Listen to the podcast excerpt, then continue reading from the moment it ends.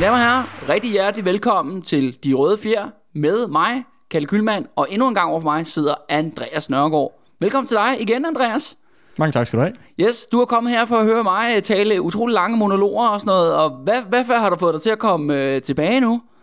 Jamen altså, nu har vi jo øh, træsket igennem Sønderjylland og genforeningen igennem tre afsnit. Ja, hvor du har jo ageret kødskjold for mig jo. Hvor jeg blandt andet har ageret kødskjold ja, for dig. og jeg skal sige, jeg har ikke øh, haft en, øh, en lytterstorm af vrede sønderjyder, der var øh, super farvet over, hvad vi fik sagt i løbet af de sidste tre episoder. Men det kan være, det kommer endnu jo. Det kan være. Men, øh, men ja, jeg har fået lov til at være med igen. Det kan være, at, øh, at der er nogen, der undrer sig over, hvorfor ham sønderjyden med ja, endnu en gang. sker der egentlig? Ja. Ja, det ved jeg da ikke. Hvad sker der, Andreas? Jamen, øh, jeg er blevet sådan lidt øh, lytterambassadør. Øh, jeg er jo her for at repræsentere jer, lytteren derude, der sidder og tænker, heldig hallo, Kalle, det går da lige stærkt nok. Ja, Øhm, så jeg, fordi det gør det nemlig. For det gør det nemlig. Ja. Øh, og hvad kan man sige? Et hver vildt dyr har brug for en, en dyretæmmer. Yes. og, det, og det er lidt den rolle, jeg spiller her i podcasten. Øh, Professionel, professionel Kalle Kylmand tæmmer. Lige det præcis. er vores allesammens Andreas Nørgaard. Det, det er det. Ja, men hør, vi er jo ikke kommet for at tale om øh, vores personlige øh, og fnader for, forhold. Ikke? Det må du lytte til andre dårlige podcasts til, hvis du gerne vil dykke ned i den slags ting. Fordi nu skal det handle om noget helt andet. Jeg har valgt, at vi skal lancere det mest ambitiøse projekt, jeg har haft på øh, De Røde Fjer indtil videre overhovedet. Og det er faktisk meget mere øh, hvad hedder det, ambitiøst, end genforeningsjubilæet egentlig var. Som vi ved, der er jo øh, sygdom øh, ude i, øh, i Danmark. Der er katastrofetider. Øh, ting er ved at gå op i limningen. Så i den forbindelse, så tænkte jeg, at nu skulle vi have den helt store saga om Danmarks urkatastrofe.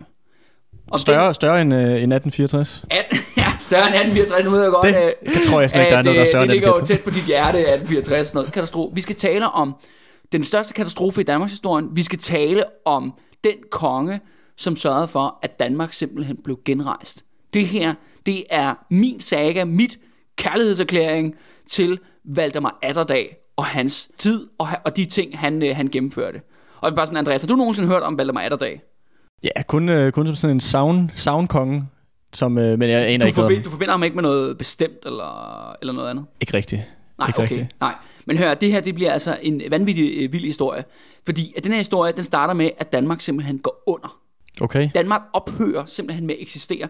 Der er forskellige katastrofer i Danmarks historien. Man kan nævne, øh, hvad hedder det, 1659, da Sverige har besat hele Danmark, med undtagelse af København. Man kan nævne 1814, da Danmark mister Norge. Og man kan nævne, selvfølgelig nævne 1864, da vi mister Sønderjylland. Og så er der så også 9. april 1940, da Danmark bliver besat af tyskerne. Men det her, det er meget, meget, meget værre. Der er en eller anden grund, så er der jo ikke nogen, der sætter det i datoen. Det er jo ikke en dato, man husker.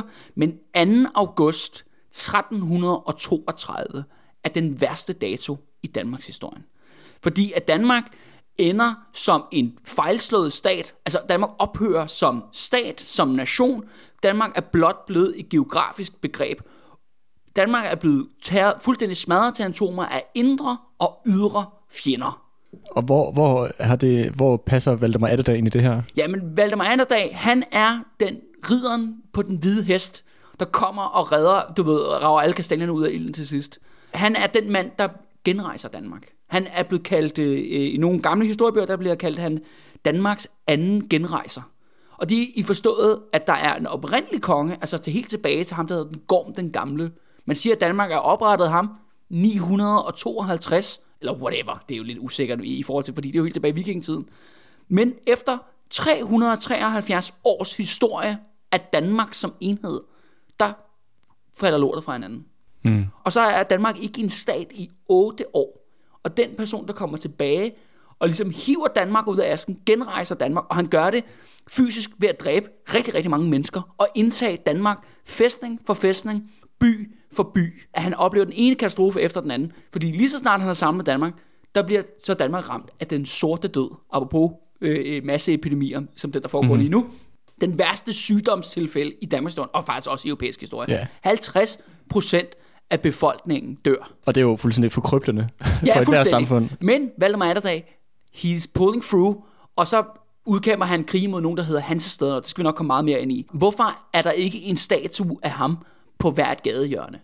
Jamen det er jo fordi, at Valdemar Atterdag, han starter sin historie som en held, om man må sige, en vaskeægte held for Danmarks historien. Men han ender som skurk. det er for eksempel, hvis du kigger i svenske historiebøger, der har han også altid nævnt, men der bliver han sgu ikke kaldt Danmarks anden genrejser, der bliver han kaldt bødlen eller slagteren for Visby. Hmm. For det er også sådan en mand, han er. Okay. Og hvis der er noget, Valdemar Atterdag gør, så er det, at han dræber rigtig mange, også i internt i Danmark, altså bønder, der går oprør mod ham. Og der er altså kort proces. Hmm. Han er ham der obersten for Apocalypse Now, hvis man har set den film. Marlon Brandos rolle der, hvor mm. det handler om, at øh, Martin Sheen han sejler op af floden, og jo længere over kommer i floden, jo mere og mere vanvittigt bliver det, og så møder han til sidst, ja, ikke Marlon Brando, men Valdemar Atterdag, der bare sidder i et, et, et, et, et, et tempel med afhuggede hoveder omkring sin trone. Mm-hmm. For det, det er sådan, det er der, vi skal hen Okay. i den her, den her saga Men, her. men vi ender jo ikke helt der i det her afsnit. Så vidt jeg forstår, Nej, så er det, så nej, det her det er jo en længere historie. Yes. Og, øh, og, et, og hvad kan man sige, et lille projekt, som du holder meget nært os, og derfor også gerne vil tage en god tid til at fortælle. Ja. Så det her, det bliver, det bliver, en, det bliver ikke tre eller fire, det bliver, det bliver en, en, en helt håndfuld afsnit, der kommer Ja. til. Og vi er ikke helt sikre på, hvor mange endnu det bliver. det er ikke noget, man kan komme til at springe ind i det her. Man skal høre den fra episode 1, og så skal man følge den. Og det, altså, ideen er, at nu starter vi jo med den her episode, der hedder Dommedag Danmark, som skal handle om, hvordan Danmark gik under. Hvor, hvordan det kunne gå så galt.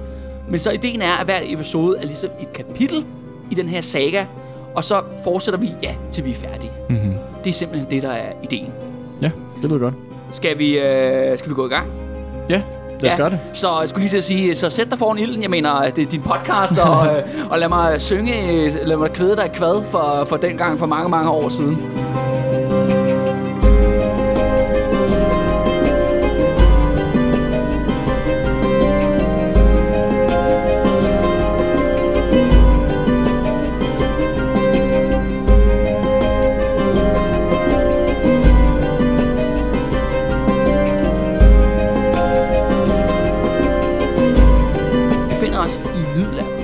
Øh, som er jo et radikalt anderledes samfund, et, et radikalt andet tid, som vi nok skal komme mere ind på, hvad betyder egentlig det. Men vores historie, den starter med, at der er en konge, der dør.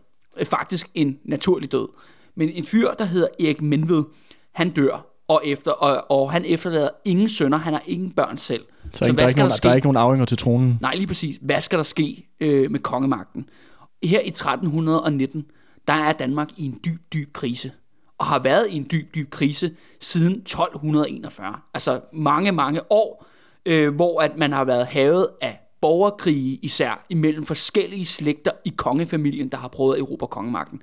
Danmark har haft vanvittigt mange konger mellem øh, 1241 til 1319. Men vi har haft en konge, som blev myrdet af sin egen bror. Vi har en konge, der er blevet myrdet af sin adelsmænd i en lade. Vi har nogle konger, der er faldet på slagmarken. Og så har vi også bare nogen, der har været rigtig uheldige. Øh, Der er tyndet ud. der er blevet tyndet kraftigt ud i dem. Og Erik Menved er den sidste skud på stammen. Et andet problem er, at det meste af Danmark er ikke under kongens kontrol. Danmark er blevet det, der hedder pansat. Kongen er den største jordejer i Danmark.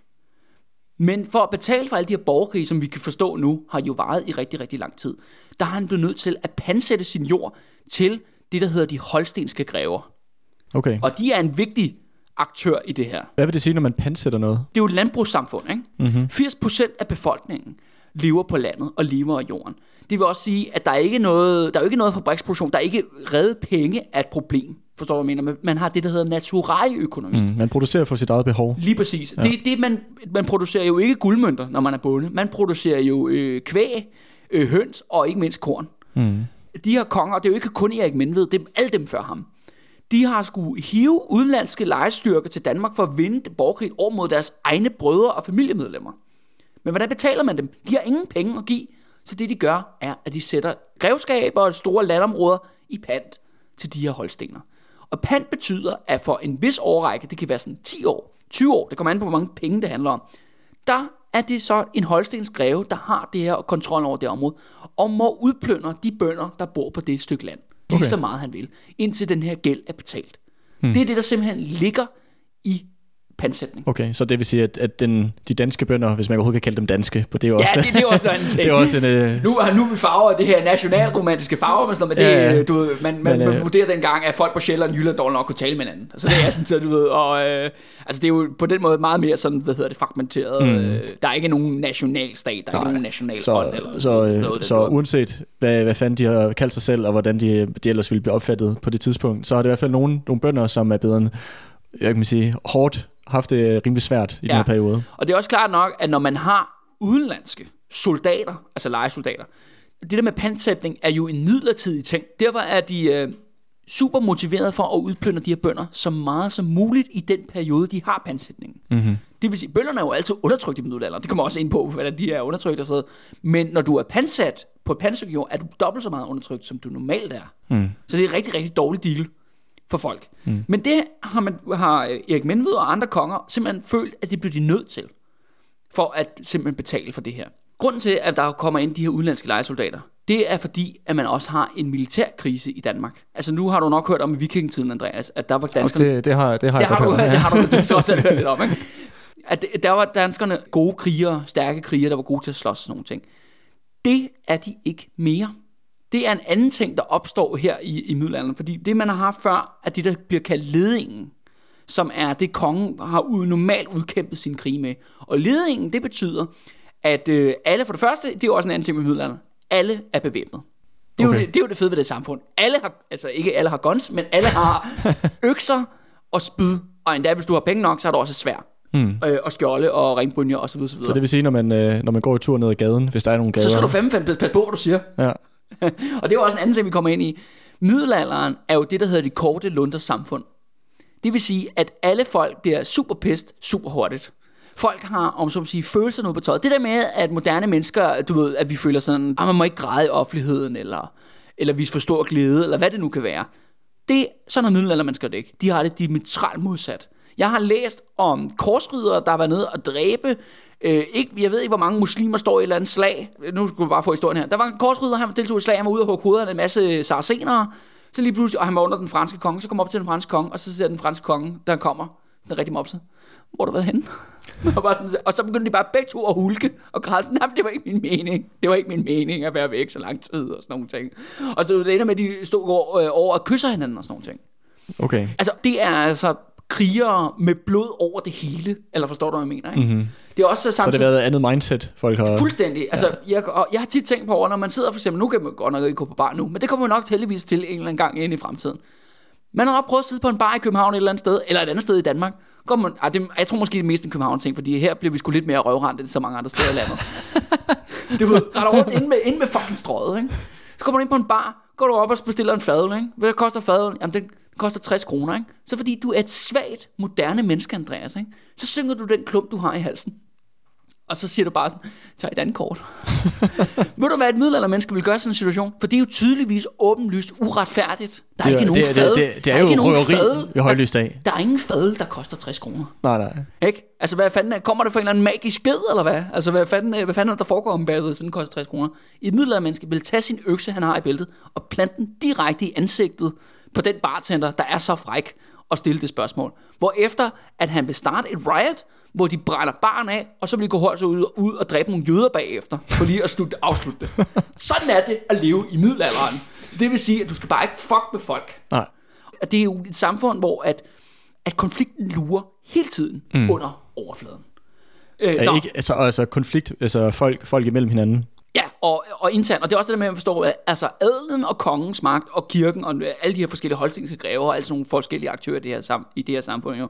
Det er kun folk, der kan herske, fordi at de slår ned på befolkningen med regulære intervaller. Mm. Det er den stærkeste ret, ikke? Og det er jo også det der med, når folk betaler skat, hvis det enten er til herremanden eller til kongen eller kirken, der er betalt betagelse og beskyttelsespenge. Mm. De er jo alle sammen bander, eller forstår men det er alle sammen kæmpe bander, der render rundt med, øh, med våben, ja. ikke? Vil, vil det være forkert at, at lave sådan en sammenligning med sådan lidt warlords-agtigt? Men der er regler, forstår Ja. jeg. Der er nogle regler, der er nogle love, man skal følge. Ja.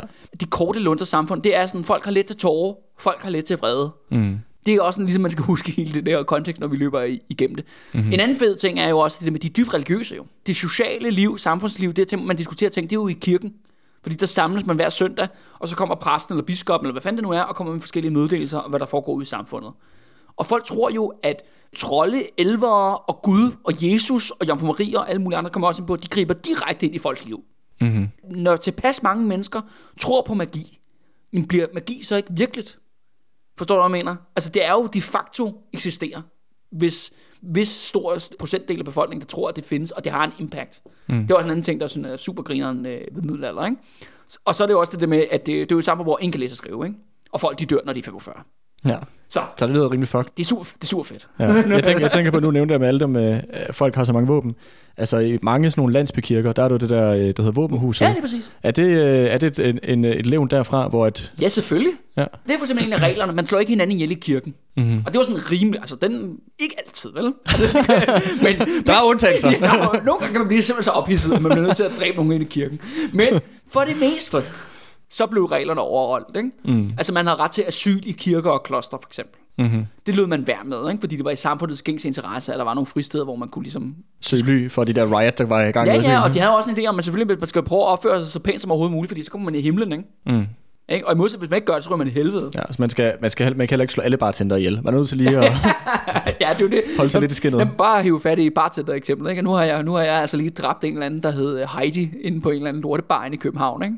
Hvad sker der så? Jamen, så kommer, by, så kommer byvagten jo, og så bliver jeg jo tortureret i flere dage, indtil jeg tilstår, hvor efter at jeg bliver, øh, hvad hedder det, for hugget hovedet af og sat på hjul og stejle ude foran byen. Mm-hmm. Altså, det er kontante eksempler, ikke? Mm. Men det grinerne er jo, at det jo, de skal også lige fange mig først, jo. Mm-hmm. Og det er jo også et andet element, der er, når man skal huske på. Altså for det første, der er måske omkring 800.000 danskere på det tidspunkt, eller folk, men folk, der bor i det territorium, som er Danmark, mm. som med til det, der hører jo så hele Slesvig, kært emne, vi har talt meget om, mm-hmm. men som faktisk går ned til Ejderen, Jonas Collins øh, gamle drømmegrænse. Ja. Øh, den går dernede til, og så skal vi også huske, at Skånelandene er med. Mm. Skåne, øh, Halland og Blekinge er sådan Ja. set også en del af det danske kerneområde. Og for det ikke engang skal være nøgen, så har vi sgu også Estland med. Ja.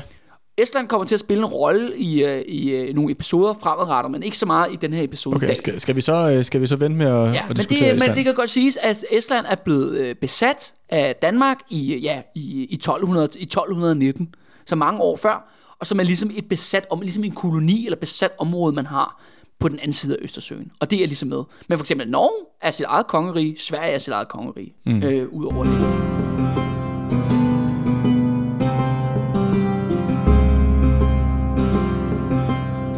Men ved du hvad, vi blev fuldstændig opslugt i det her med, øh, hvad hedder det, de korte lunder samfund, ikke? Ja. Fordi, hvorfor er det, de her legesoldater, de kommer ligesom ind? Ja, det er fordi, at det der med ledingen, som er kongens mobilisering af bønderne, som det har fungeret siden vikingetiden, det system er ved at bryde sammen. Normalt har det været sådan, at hver gang, at en fjende er rykket ind, eller kongen tænkte, det var vikingetiden, lad os tage til England for eksempel, mm-hmm. og plyndre det område derovre. Jamen så har man øh, op på de gamle gravhøje, altså bronzealdergravhøje osv., så har man simpelthen haft bål, så man bare går op og sætte ild til, eller kirkeklokkerne ringe, og så man mobiliseret alle for det område, der kunne ligesom se det. Det lyder sådan lidt sådan Ringnes Herre-agtigt, hvor de... Men problemet er, at det er Rennes herre, der har stjålet det fra Danmarks historien. ikke? Altså, når folk tænker, okay, ej, det lyder virkelig Rennes herre ej, det lyder virkelig Game of Thrones-agtigt. Jamen, det er fordi, at øh, det er fordi, de, øh, Tolkien og øh, ham der, R. R. Martin, eller hvad fanden han hedder, de har bare tyvstjålet fra øh, nordeuropæisk historie. Hmm. Det, det har de jo begge to været ude at sige. Øh, nu Ja, ja, Tolkien Jeg vidste godt, at, jeg vidste godt, at Tolkien han, tog, han stjal med arme og ben, altså hvad han kunne Jamen, han har jo stjålet med arme og ben fra dansk historie jo. Ja. Øh, Og, og, og, britisk historie, ikke? Og det Ja, samme har uh, George R. Martin. Så det der med, ligesom i Rennes Herre, hvor de tænder ild, det, har- der har været det, der hedder bagne på en række strategiske steder. Du er jo for, hvad hedder det, for Koldingegnen. Mm. Der har jo 100% været en der. Så man kunne, hvad hedder det, tænde bål, der har mobiliseret hele Kolding-Vejle-området. Mm. Det var så vikingetiden. Og det fungerede pissegodt, ikke? Man sejler over, man, øh, man brænder nogle kloster af, man voldtager nogle kvinder, man tager nogle slaver. Det, det var bare skide godt, ikke? Det fungerer ikke mere nu. Fordi at middelalderen ligesom har introduceret en række nye våbenarter. Og det er jo især i forhold til kavaleriet, der har fået en større og større, øh, hvad hedder det, øh, dominans. Mm-hmm. Og det andet element er, at øh, brynjer er blevet bedre, altså pladepanser Ja. er blevet bedre. Det koster rigtig, rigtig mange penge at have heste. Det koster rigtig, rigtig mange penge at have de her pladerustninger. Det har normale danske bønder ikke råd til. Til gengæld har professionelle lejesoldater som holstenerne råd til det her. Altså holstenerne har relativt små hære. Det er sådan tit, øh, når vi taler slag i middelalderen den her periode, det er måske 1000 mand mod 800 mand. Okay, så det er markant mindre, end hvis Ja, man for eksempel går til, er går sådan- til antikken, hvor de jo har Ja, der har du jo 100.000. Ja, der har du 50.000 mand mod 50.000 mand. Ja. Det er det på den måde, de her slag foregår. Men der er de der, hvis, hvis holstenerne har 300 ryttere i panser, så kan de altså smadre sådan en flok dansk bønder på ingen tid. Mm. Og det kommer de også til at gøre i den her historie, fordi det handler jo om Danmarks undergang.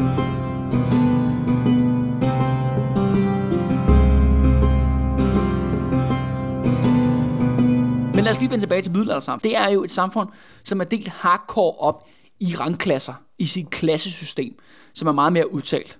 Jamen det er fordi, jeg havde lidt spørgsmål. Det er fordi, at nu, øh, nu snakker vi lidt den her sådan, grænseperiode mellem vikingetiden, og hvor det lød til, at den her, den her inddeling med de her bønder, som jo kunne mobiliseres, Ja, ledingen der. ledningen der er, at, det, at hvis vi, når først vi kommer i middelalderen, at så begynder samfundet at være sådan ret øh, sådan, øh, inddelt i klasser på, en, på, en, på et, et langt højere plan øh, Ja, på en helt- end, Ja. På end en helt anden måde, og meget, og meget hårdere egentlig. Ikke? Ja, så, så det, det er jo egentlig det. Jeg ved ikke, om det, om det er for langt i sidespring, men jeg vil bare, bare høre, hvordan sker den der hvad kan man sige, overgang til, til ligesom, at du går fra at have sådan et, øh, et samfundet, et samfund, der er måske mere lige baseret på det der med ledningen, til at have et, et sådan hardcore klassesamfund for, for middelalderen. Altså noget, der, altså, ja, det kan man sige, det er jo en lidt, lidt lang forhistorie, men det, der kendetegner Danmarks historie i den tidlige periode, af de første fucking 13.000 år eller et eller andet, ikke?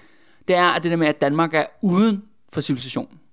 Danmark er ude for Romeriet. Danmark er ude for den kristne verden. Skandinavien og Danmark er jo noget andet. Mm-hmm. Det er sådan et barbar-territorium.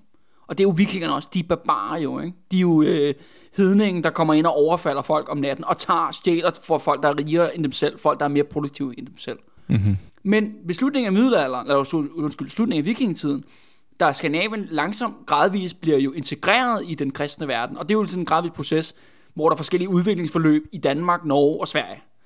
Hvor en af de der processer er jo, at blandt andet er, at man opgiver øh, asatroen, ikke? Altså det der, man stopper med at tro på de gamle guder, kirken bliver introduceret.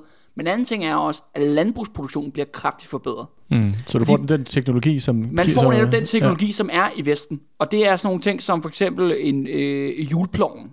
Det er fedt at snakke om plov, ikke? Men, øh, men. Fuldstændig revolutionerende. ja, ja fuldstændig- jamen, det er fucking revolutionerende, fordi det er hjulploven, okay? Mhm. Mm-hmm. hjulploven er en meget, meget større plov end det, der hed barten, som var den gamle slags plov, man havde i vikingetiden. Men det gør, at jorden bliver meget mere produktiv. Mm. Man får simpelthen flere afgrøder ud af det. Altså i 1100-tallet er sådan et fremgangsårti for Danmark. Det, det vælter frem med byer og borge og alt muligt. Mange danske byer er grundlagt i den her periode. Mm. Før det i vikingetiden, der har du sådan nogle slavemarkeder, som Hedeby og Ribe, ikke? Mm-hmm. og så op ved øh, Aalborg og sådan noget. Og that, that's it. Og så man snakker måske om Lejre og Roskilde og sådan noget, men det er ikke mere at være en, en samling huse omkring en høvding eller eller andet. Ikke en rigtig by. Mm. Det laver middelalderen om på.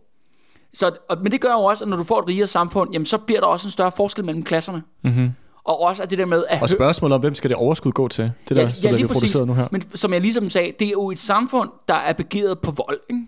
Det er jo den stærkes ret i sidste ende. En interessant ting, når man kigger for eksempel på middelalderlovgivning, ikke? altså det de skriver det, fordi de havde jo love og sådan noget. Når man siger frihed, jeg vil gerne have frihed i middelalderen, så betyder det faktisk, at man gerne vil have frihed for, at nogen kommer og myrder en. Hmm. Det er det, frihed betyder.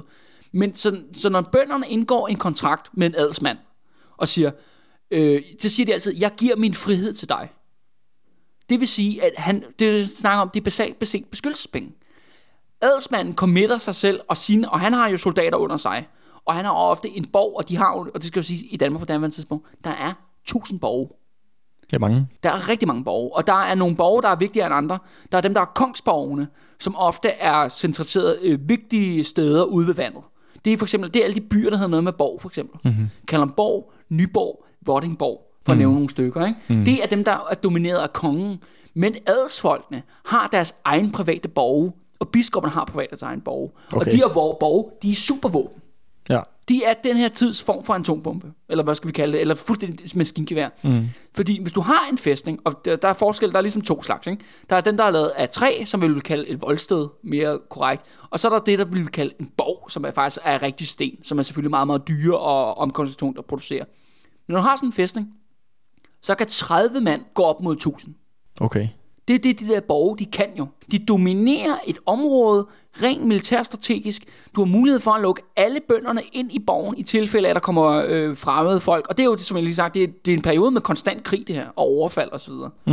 Det er også en anden ting, at man skal huske på, at store dele af landet er Så på den domineret. måde, så bønderne giver deres, hvad kan man sige, deres frihed, for at, at, de så, kan- at, de, at de så er sikret, at herremændene de beskytter dem i tilfælde af, af, af, konflikt. Det er det, der er samfundskontrakten. Mm. Men det gør også, at, at herremanden har ret til det, bønderne producerer. Det er jo det er ikke meningen, at bønderne skal dø af sult. Nej, nej.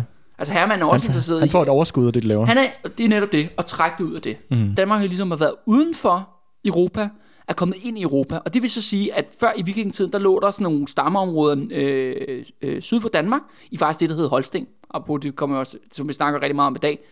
Der var der nogle øh, hedenske stammer, der hed sakserne, men de blev altså nedkæmpet af Frankeriget.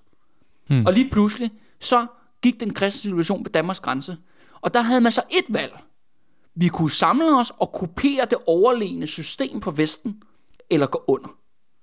Det var det, Gorm den gamle, Harald Blåtand og Svend Tviskæg og alle de der vikingekonger tilbage i tiden. Det var det, de gjorde.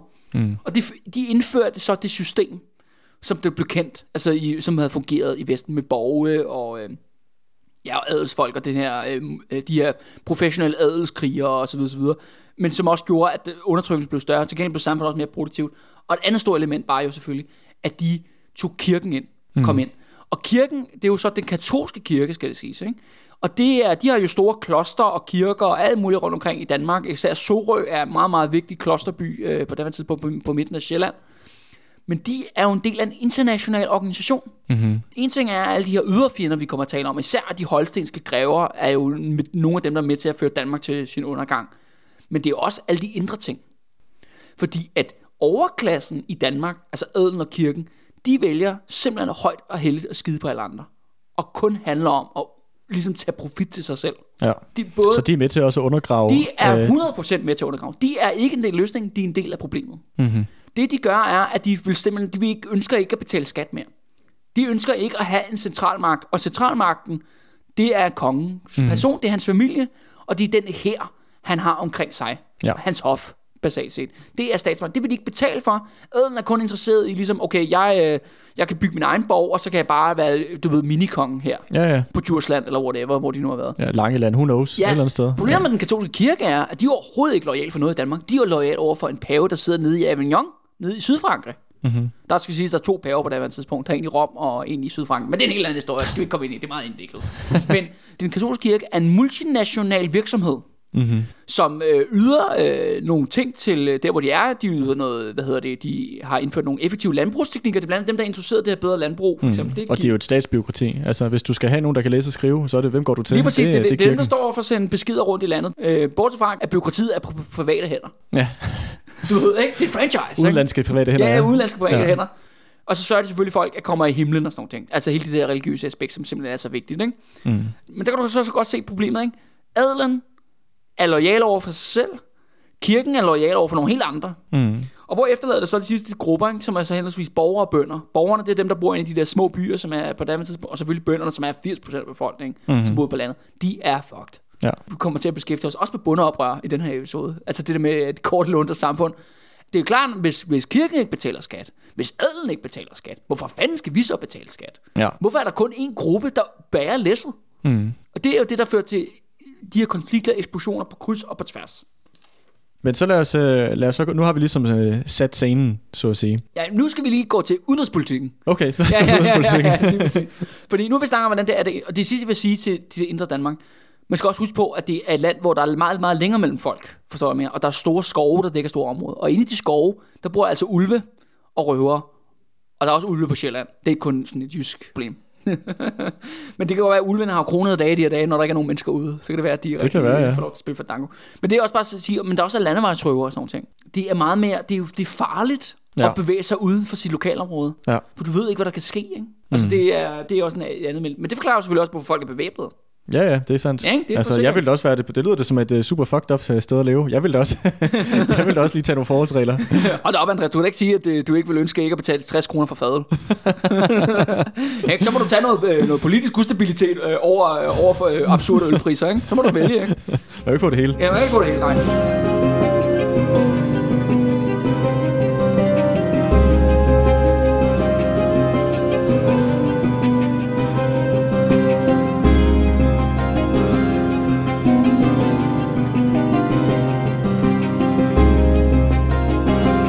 Går rigtig i historien og ligesom introducerer nogle forskellige udenlandske, fordi der er selvfølgelig, øh, nu har jeg snakket om, der, der er kongeriget, der hedder Norge, der er kongeriget, der hedder Sverige.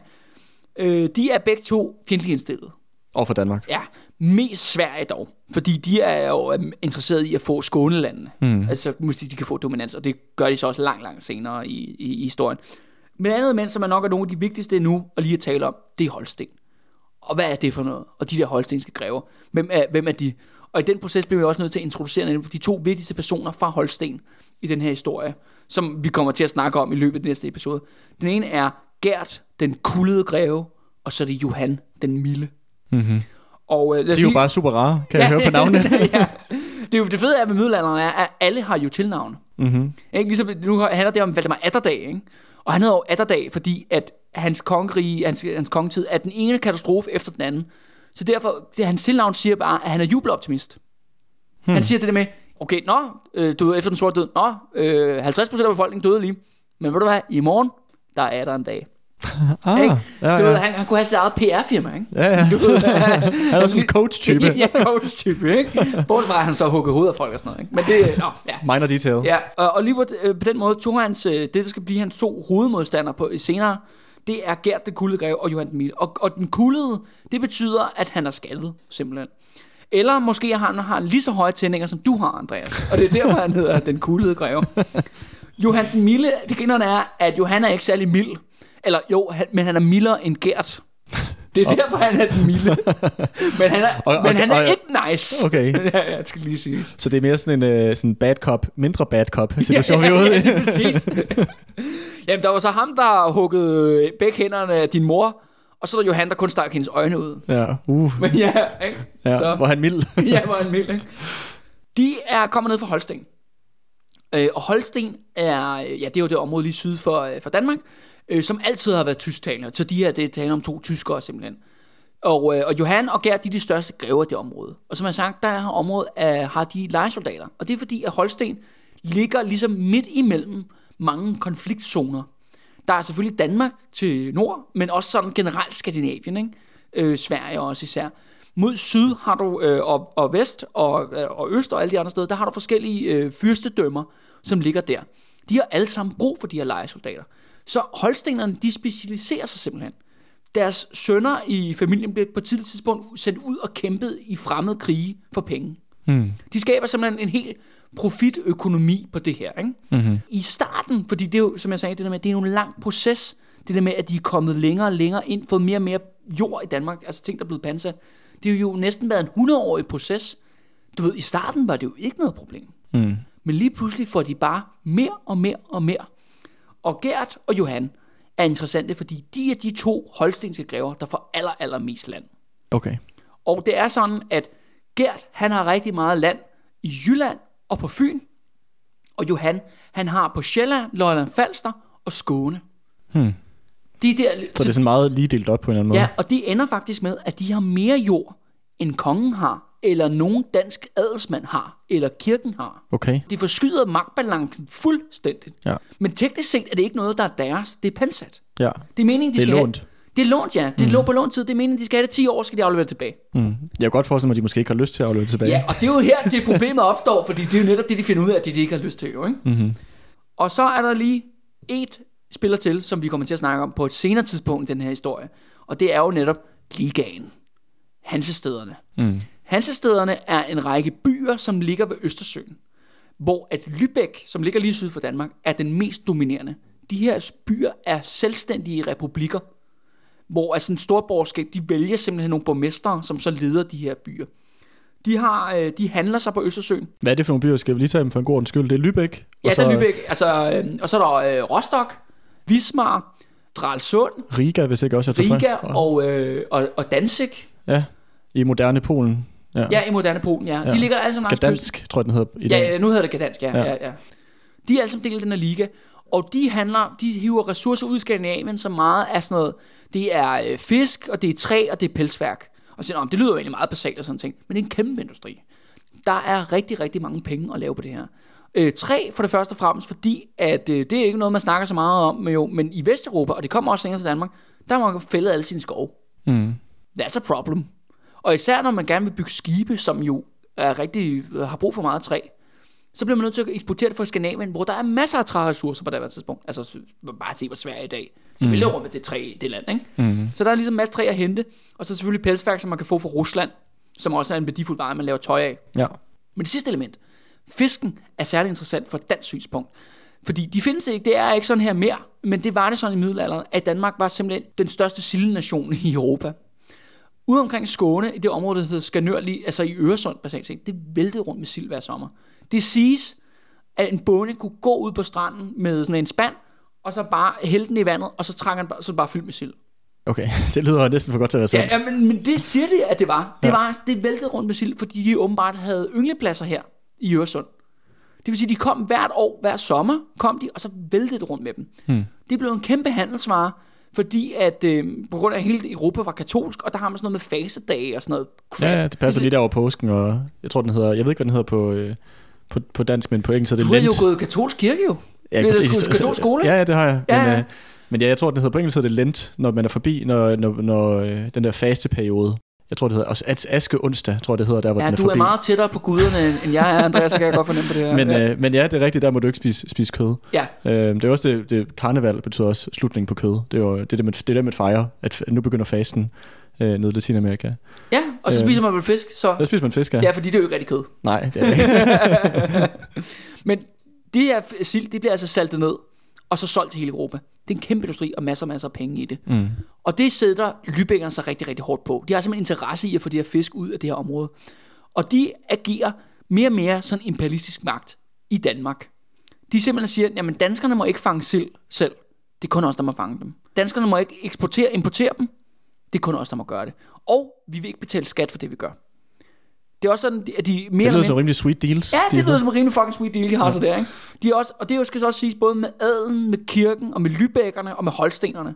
De siger alle sammen, vi vil have vores egne regler. Der er en lov. Der er noget, der faktisk hedder jyske lov og sådan noget. Der er nogle overordnede love for Danmark. Jamen, de gælder bare ikke for os. Hmm. Vi har vores egne love.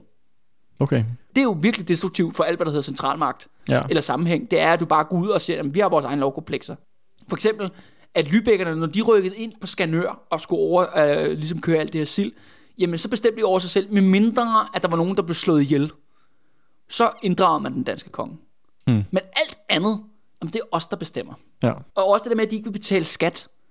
Det gør jo også det der med virkelig destruktivt, ikke? Altså det der med at få virkelig samfundet til at øh, gå op i limningen. Men bare i forhold til, hvad der sker i USA, hvor rige mennesker hele tiden snakker om, at de ikke vil betale skat, Mm. ikke? og de ikke skal betale skat videre. jamen så, så ender det med, at Danmark går under. Ikke? Hvis, det, hvis det, eller landet går under, hvis der ikke er nogen, der spytter deres bidrag i kassen. Ja. Men Lybækkerne kommer tilbage til, de kommer ikke til at fylde så meget, men det skal forstås, de er en supermagt i den her sammenhæng. Og de er imperialister. De udnytter jo danske naturressourcer, i mest i form af den her sild. Mm. Uden, Som- at, uden, at, uden at den danske Uden at- stat at for, eller danskerne den danske konge for noget. Ja, ja, det, det svarer til, at vi har olie. Men det er ikke os, der får lov til at få noget ud af olien.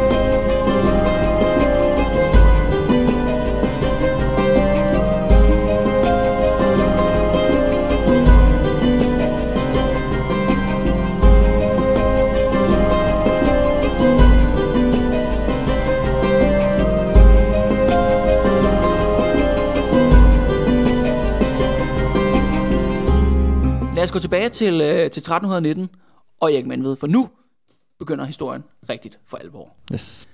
Erik Menved, han har været, han er ikke den dårligste konge i Danmarks historie, men det er ikke gået særlig godt.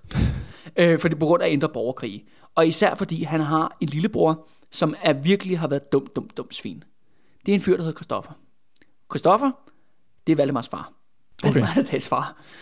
Christoffer har brugt, eller undskyld, Erik har brugt det meste af sin regeringstid på at kæmpe mod Christoffer. Christoffer, han har ageret pirat og prøvet at erobre kongemagten og prøvet at myrde Erik i flere omgange. Blandt andet har Christoffer, han har blandt andet brændt hele Lolland Falster af i en røvertogt. Så han er bare vanvittigt upopulær. Ja. Klart nok, fordi han dræber folk, han vil gerne være konge over, ikke? Ja, ja. Erik øh, Menved, han har ikke nogen børn, han, han har som et barnløst ægteskab. Det udløser så også en krise, skal det sige. Mm. Mm. Man ikke har nogen øh, arvinger. Det er også et stort problem i den her periode. Ikke? Men efter sin det sidste, han siger. I må gøre alt, men I må ikke gøre Kristoffer til konge. Fordi hvis I gør Kristoffer til konge, så ophør, så kaster I landet ud i fordav. Og hvad sker der, når han dør? Så bliver Kristoffer konge. Selvfølgelig. Og Kristoffer, han bliver, øh, han bliver øh, Kristoffer den anden. mm-hmm. Det bliver hans officielle øh, øh, titel. Jeg har kun ukvemsord at sige om ham. Han er jo en niding, ikke? Han er jo en forræder, ikke? Han har forrådt sin egen bror, han har forrådt sin egen kongelinje. Han har bare ageret destruktiv somalisk warlord, og så ikke engang været særlig god til det. Men hvorfor fanden bliver han så konge? Jamen det er fordi, som jeg sagde, der er alle de her for- forskellige folk. Der er kirken, der er adelen, der er holstenerne, Der er og der, der er lybækkerne. Ja. Og de er alle sammen interesserede i at få en rigtig, rigtig svag konge. Mm. Så de ikke skal betale skat, og så de ikke skal følge reglerne. Mm. Og hvem er bedre end, end, end Nidingekongen Christoffer øh, den anden, som er jo vanvittigt upopulær. Mm. Han kan jo kun have magten, hvis alle dem siger, han skal være konge. Mm. Og det er derfor, han bliver konge i 1320. Man, man, man kan sige, at hans, at hans kongedømme kommer til at, at, at være baseret på deres, øh, Noget, der, ja. deres noget, ja. Ja, lige præcis. Ja. Ikke? Så de har med uh, by, the, uh, by the balls. Ikke? Mm. Og i 1320, der bliver der sat et ur i gang. For deraf er der 12 år til Danmark går under.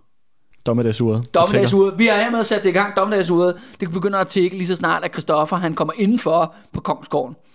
Det første, der sker, er, at Christoffer, alle de her folk, man lige har nævnt, de samles, og så undertvinger de til, Christoffer til at underskrive en håndfæstning. Og hvad er en håndfæstning? En håndfæstning, det er en eller anden form for forfatning, kan vi godt kalde det. Bortset fra, at man får en ny forfatning i middelalderen, hver gang der kommer en ny konge. Okay. Så det er meget mere sådan udskiftning ja, ja. end, end Ja, ja. det, ikke? Og basalt set, den, i håndfæstning, der står alle de forskellige klasser i samfundets øh, rettigheder og pligter. Så der, er- så der, er, der er hvad man sige, bønderne ude på landet, der er borgerne inde i byerne, der er øh, adelen, Kirken, kirken, kirken yes, det hele. Ja. Alle, der har en interesse i kongeriget Danmark. Alle, der har en, en aktie, ikke? Mm. En, en stake i det her. Men den her håndfæstning, det er den værste håndfæstning i Danmarks historie. Fordi der er kun rettigheder og ingen pligter i den håndfæstning. Men det bliver Christoffer selvfølgelig nødt til at skrive under på, hvis han vil være kongen i det hele taget. Mm. Men det gør også, at det er jo selvfølgelig en, en, øh, en uholdbar situation. Fordi det er klart nok, at Christoffer, han er jo ikke interesseret i at være konge af ingenting. Han er jo bred, han er reelt set en dummy-konge. Mm. Han bestemmer over ingen, han bestemmer knap nok over sig selv. Mm. Det er jo så tydeligvis, at han er svag. Og hvis der er noget, der tiltrækker svaghed, jamen så er det gribe eller ravne, eller hvad jeg kan kalde det. Folk, der vil have noget mere. Hvad er det, man siger, at øh, svaghed indbyder til angreb? Lige præcis. Og det er det, der sker. For det vi har er i første omgang fra 1320 øh, til 1325, vi har en, en række adelsfolk, der simpelthen laver indre oprør. Øhm, der er en fyr, der prøver at, simpelthen at tage hele Skåne, for eksempel, og så erklærer sig selv øh, herremand over det. Man har øh, eksempel, hvor den katolske kirke, ikke vil, øh, de vil ikke af med Bornholm. Og, og især Hammershus, som er den store borg jo på Er, Bornholm. det- er det en, der der er kørt af den katolske kirke, Ja, Hammershus? det er, de ejer Bornholm i det her tidspunkt. Okay, de ejer hele Bornholm. De ejer, det er Bornholm, det er deres. Okay. altså forstår men det, det er meget konkret, ikke, hvor man, man, Ja, ja. man tilhører i forskellige områder og sådan noget. Ikke? Ja. Øh, og der er, fordi at Bornholm er en strategisk vigtig ø, Hammershus er en strategisk vigtig fæstning, så siger Kristoffer, jamen hør, det bør øh, tilhøre centralmagten. Det siger øh, biskoppen det. Nej, det kan jo ikke komme til at ske. Du kan komme og tage det med magt. Det er, det er sådan, det ligesom foregår, ikke? Okay, sindssygt. Øh, men de her, så der opstår alle mulige kriser. Men den måde, Christoffer løser den kriserne på, det er, at han går med hatten i hånden, eller med kronen i hånden, eller whatever. Der kontakter han selvfølgelig Gert og Johan, som jo allerede har ude Erik Menved. Det fede er, at de to der, Gert og Johan jo, har jo bekæmpet Christoffer, dengang han var pirat nede på Lolland Falster. Mm-hmm. Men der har arbejdet de jo bare for Erik Menved, altså hans storebror. Ja. Nu siger han, "Nå, men nu kan vi da bare arbejde for dig. Det eneste, vi kræver, er, at vi skal bare have noget mere pant.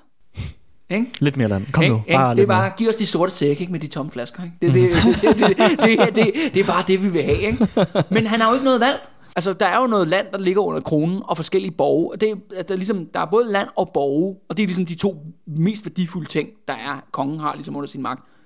Han har jo ikke noget valg. Han bliver nødt til at sige, okay, jamen så pansætter det her, så pansætter det her.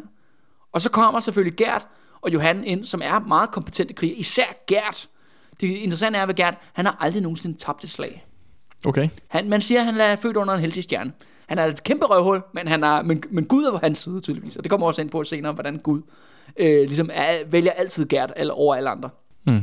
Så de går selvfølgelig ind og fikser de her små oprør. Ej, en oprørs adelsmandsfamilie i Skåne, kirken, der brokker sig på Bornholm, biskoppen derovre. Det er ikke dommedag endnu, du ved, men det er optakten, ikke? Det er de Ja, små ja. kriser, der udvikler sig til Det, snebold, be- ikke? der begynder at komme mørke skyer ude i horisonten. Lige præcis. Mm-hmm. Men så opstår der en ny kris. Fordi i Sønderborg, nede i Slesvig, i Sønderjylland, der er der en, øh, hvad hedder det, der dør øh, hvad, Christoffers, øh, hvad hedder det, grandfætter. Han dør. Der er forskellige linjer af, af, af kongefamilien, men grandfætteren dør. Og Hvad, det- hvad er det for et år, vi er i nu her? nu er vi i 1325. Vi er i 1325, okay. Ja. Ja. Der vil sige, hvad, hvad, hvad står der på listen? Hvor mange år er der til dommedag? Jamen, der er jo så en syv år. Der sker der så det, at en, øh, en grandfætter til øh, Christoffer, han dør, som er, øh, som er faktisk greve af Slesvig, eller fyrste af Slesvig, hertug af Slesvig. Han efterlader kun en 10-årig søn som arving. der er også sjovt, når hedder Valdemar. Det er meget sådan, de hedder meget samme navn. Men ham her, Valdemar, det er ham, der skal blive kendt som Valdemar den 3. Men han, han er altså kun et barn, en lille dreng på 10 år. Men hvem er også nede i Slesvig, eller lige ved siden af? Jamen, det er jo Gert, den kuglede greve. Og Gert, han går vanvittigt hurtigt ind og siger, jamen sådan en ung dreng, han kan jo ikke regere sådan et stort område alene. Han har jo brug for noget hjælp. Det kunne være, at jeg skulle hjælpe ham. Og det var, han, det var da pænt af ham. Ja, det var da mega pænt af ham.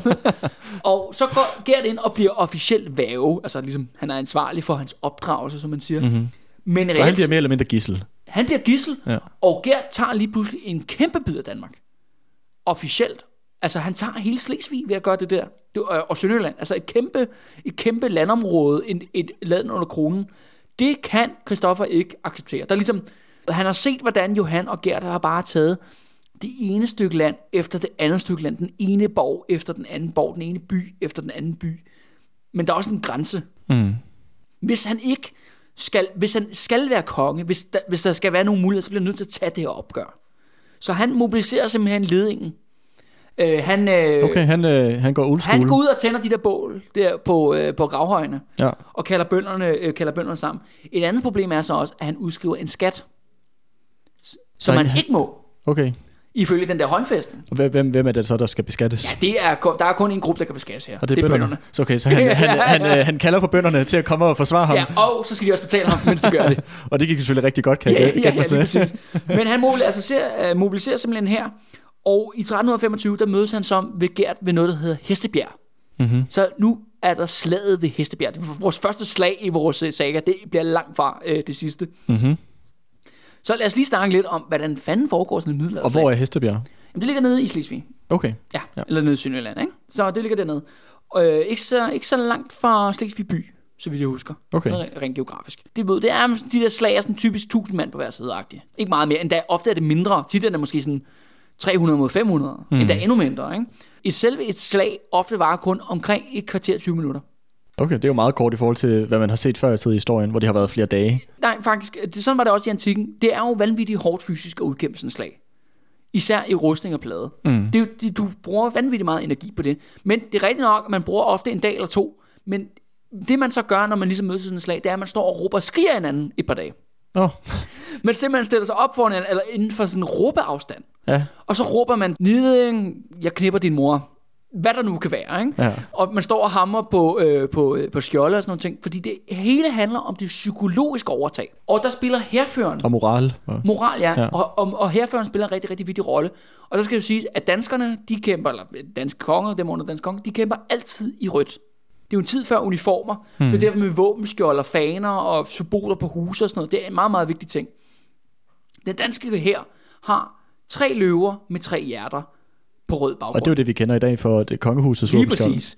Det er det, fane de kæmper under. Og det er også sådan en, øh, en mundering, øh, Christoffer vil være klædt i på slagmarken. Gert på den anden side, han vil altid være klædt i sort og mørk blå, som var Holstingernes farve. Og deres øh, øh, våbenskjold, det er en, en ridderhjelm med to kæmpe tyrehorn. Okay. Så lidt ikke? de, er også, de er også vores bad guys i den, den, her historie. Det er jo som om, når man valgte de der symboler, de vidste bare, at de ville være skurke. Ja, ja, ja. ja. Ej, kan vi få det der djævlehorn og det der pentagram? Ja, ej, det er det, vi vil have. Vi er jo heltene.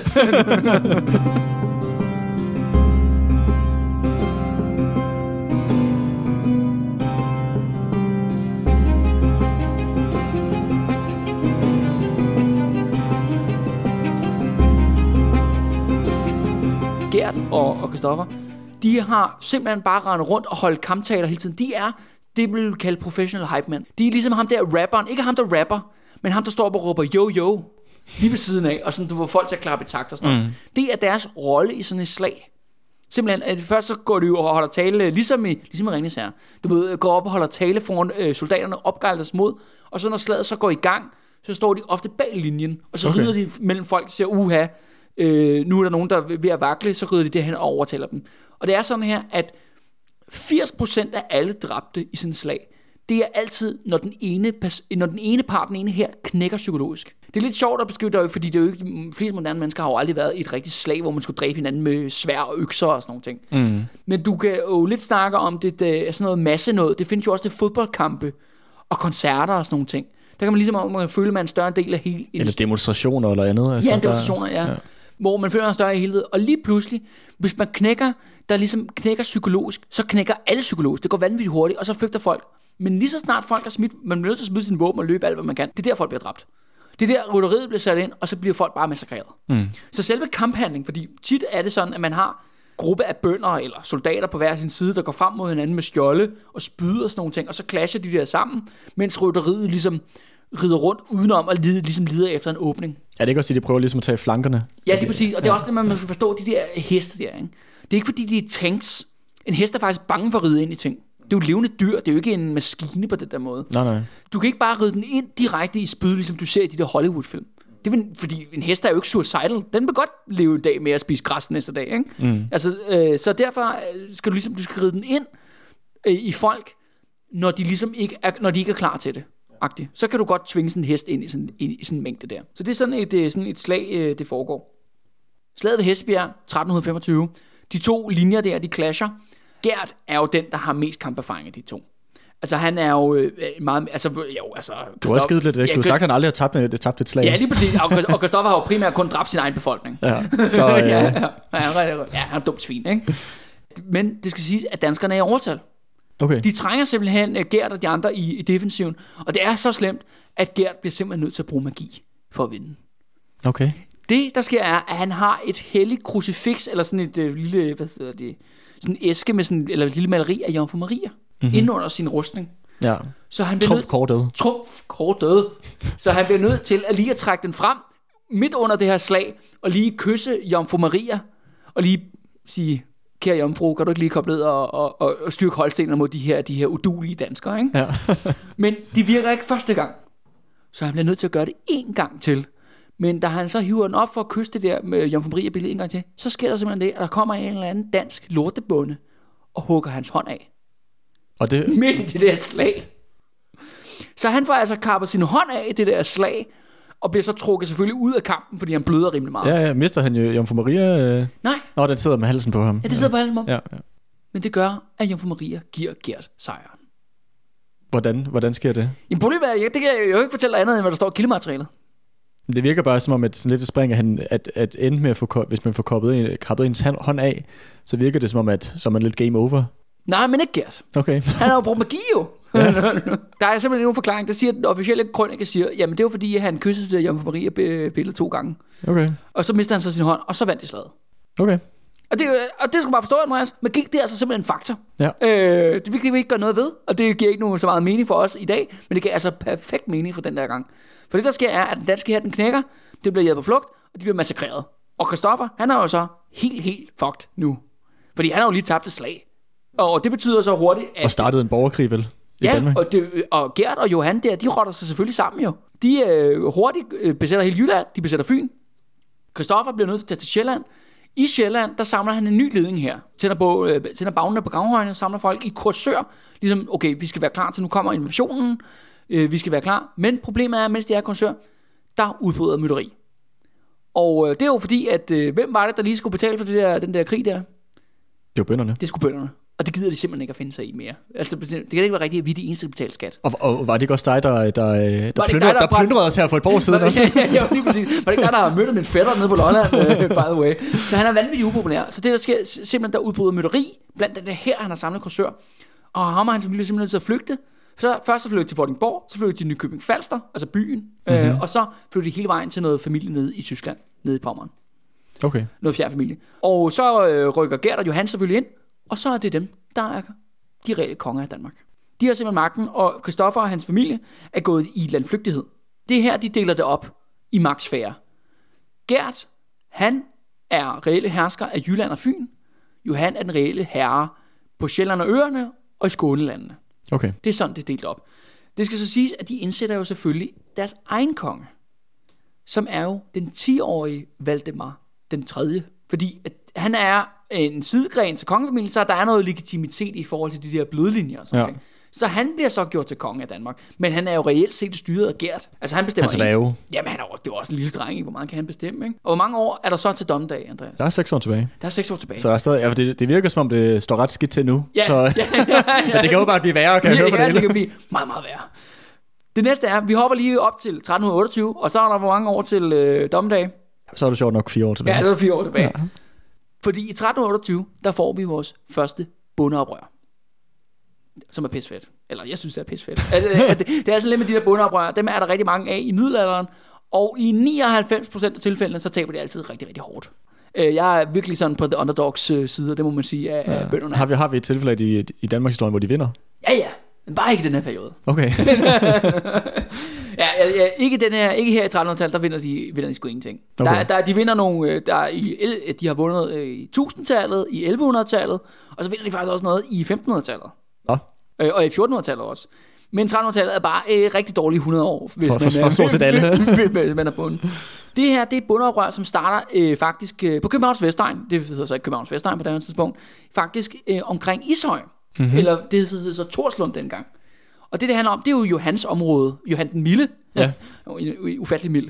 Øh, og det handler jo basalt set om, at nu efter at Gert og Johan ligesom har gjort sig selv til herskere, så begynder de at udskrive skat på de der bønder. Og, øh, men det må de jo ikke. Bønderne er sådan lidt, jamen hvorfor er vi de eneste, der skal betale hele tiden? Adelen skal ikke betale noget. Kirken skal skal ikke betale noget. Lybækkerne skal ikke betale noget. Og Holsten skal ikke betale noget. Men det skal bønderne. Og det er det, som jeg sagde, det der med de korte lunder samfund. Ikke? Så folk er bare sådan enormt ophidsede. Altså det, det er da også pisse uretfærdigt. Så de samler sig på nogle, de har sådan nogle tænksteder og markeder og sådan noget, hvor de mødes. Så samler de sig, og så vil du være til at du hvad, du kan, bare, du kan godt tage din økse med den her gang. Der er nogen, der kommer til at bøde for det her. Så de samler sig i en sådan stor mængde omkring den her, øh, øh, der ved Torslund, i det der i dag er Ishøj. Men det har Johan selvfølgelig opsnappet nyheder om, så han mobiliserer sine soldater. Så det, der sker, er, at simpelthen en, en her under Johan kommer over på den her, ja, skal vi kalde det, øh, håb af bønder, ikke? Hvor det der med bønderne er ofte mange, mange flere mm. end, øh, end nogle af de der her. De gengæld har de ikke noget disciplin jo. Mm. De har ingen militær træning. Og de har formentlig også øh, lidt improviseret lederskab, kunne jeg forestille mig. Ja, fuldstændig. Men det, der så kommer til at ske her, er, at de, de simpelthen stiller op, men så kan øh, Johan, han kan simpelthen bruge bueskytter, som bønderne ikke har. Mm. Altså, og det er også det med bueskytter jo, det er jo virkelig sådan en slags supervåben dengang, Ja, ja, de der projektiler. De begynder at skyde på de her bønder med de her pile. Jeg kan godt mig, at bønderne ikke har de, øh, den vilde beskyttelse i Nej, forhold til nej, det og er, er jo, der er re- ret mange hurtigt, mange der dør og sådan nogle ting. Og, folk, at det, og det fører til ligesom, at øh, linjen knækker, ligesom jeg snakker til det slaget ved Hestebjerg. Det er meget, meget vigtigt, at man ligesom holder en tæt formation, når man er i de her slag. Fordi man kan jo ikke, fordi det handler om at kæmpe som kollektiv, ikke som individ. Mm. Det er det, der simpelthen er hele ideen med, når man har de her store slagsmål. Det er jo sådan brawls. Det er et kæmpe masse slagsmål mm. med håndvåben. Koordineret slagsmål. Lige præcis. Men det bliver brækket op. Det sørger for, at rytteriet kan blive sat ind. Og alle bønderne, mange af bønderne i hvert fald, bliver drevet ned i det, der hedder Lille Vejle Å, som var meget, meget større dengang, end den er i dag. Øh, Dengang kunne man sejle skib på den. Okay, jeg, aner, jeg aner ikke, hvor den. Den er. er den, Jamen det, det er fordi, at øh, jeg er jo fra Albertslund oprindeligt, og det store Vejle Å og Lille Vejle Å ligger nemlig derude. Okay. Så jeg, jeg ved lige præcis, hvordan det ser ud. Eller, hvordan det ser ud nu. Ikke? Så de bliver drevet ned i den her å. Mange af de her bønder, de bliver simpelthen drukner i den her å, øh, og bliver massakreret på flodbredden. Og dem, der ligesom overlever, de spreder sig bare. Du ved, de løber alt, hvad rammer tøj kan holde. mm, Men så, er her, også, så herren den er opløst. ja, men det er også noget af det fede ved middelalderen. Der er ikke noget, der hedder CPR-nummer.